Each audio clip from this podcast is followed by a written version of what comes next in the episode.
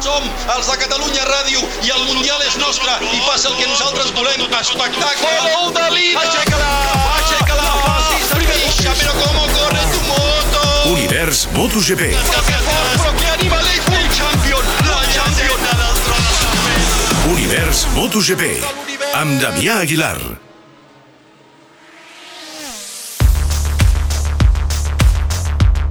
Doncs mira que Jack Miller havia decebut a l'inici de temporada, però ara sembla que és d'aquells pilots que té la situació controlada al seu voltant i que no depèn de les desgràcies dels altres per guanyar curses. Avui ha guanyat la segona cursa consecutiva, una cursa amb canvi de moto, de moll a sec, i havent de complir dues sancions de volta llarga. El boig al quadrat, com el varen batejar al seu dia a l'univers MotoGP, ha superat Zarco, mentre que el podi de Quartararo, la tercera posició, li ha permès recuperar per un puntet el lideratge que tenia fins a arribar a alemans Peco Banyaia i compta amb el de Turí, que ha remuntat del 19 al quart. De Quartararo vull dir que ens va prometre que era un home nou i ho està complint. El seu company Maverick Viñales no pot dir encara el mateix.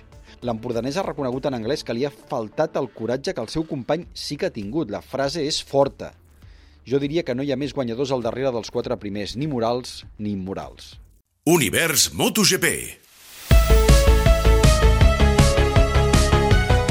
No ho és Marc Márquez, que ha perdut una oportunitat històrica. Liderava la cursa amb la pista molla i quan s'ha donat ja era terra i li ha tocat remuntar. De fet, el tro de Cervera es lamenta de la segona caiguda quan era 11 perquè el físic no l'estava limitant. Aquesta falta de, de, de curses amb altres pilots, amb, amb, amb, amb adelantaments i això, i, i bueno, sabíem que avui era una, la nostra oportunitat, quan eh, ens hem deixat portar una mica també per les bones sensacions, estava tenint paciència i sabia perfectament que, que aquelles primeres voltes eren crítiques amb el pneumàtic perquè tarda eh, i costa agafar temperatura, però bueno, ho podem considerar part de la, de la tornada a la competició, però sóc autocrític amb mi mateix i m'hagués agradat disfrutar o almenys utilitzar aquesta, la situació d'avui perquè, perquè era una oportunitat bona per fer una, un gran resultat. Aquesta setmana el Marc ja podrà fer un dia de moto a Cervera per primera vegada durant la seva recuperació.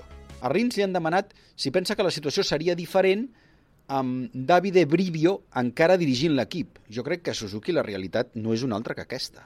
Independentment de les caigudes, per Rins, la tercera. De fico en el grup de ja en porto tres de, de, de, de caigudes, eh, perdona, eh, però imbècils. Hem fet el que no podíem fer. Una sortida increïble, he remuntat 10 posicions la primera, la primera volta, eh, quan ha començat a ploure una mica he seguit tirant, tirant per recuperar aquesta distància que els tres primers m'havien tret a, la, a les primeres voltes. Hem fet un canvi de moto superràpid, sortim a pista, freno una miqueta per, per fer girar la moto més millor i, i marxo al terra.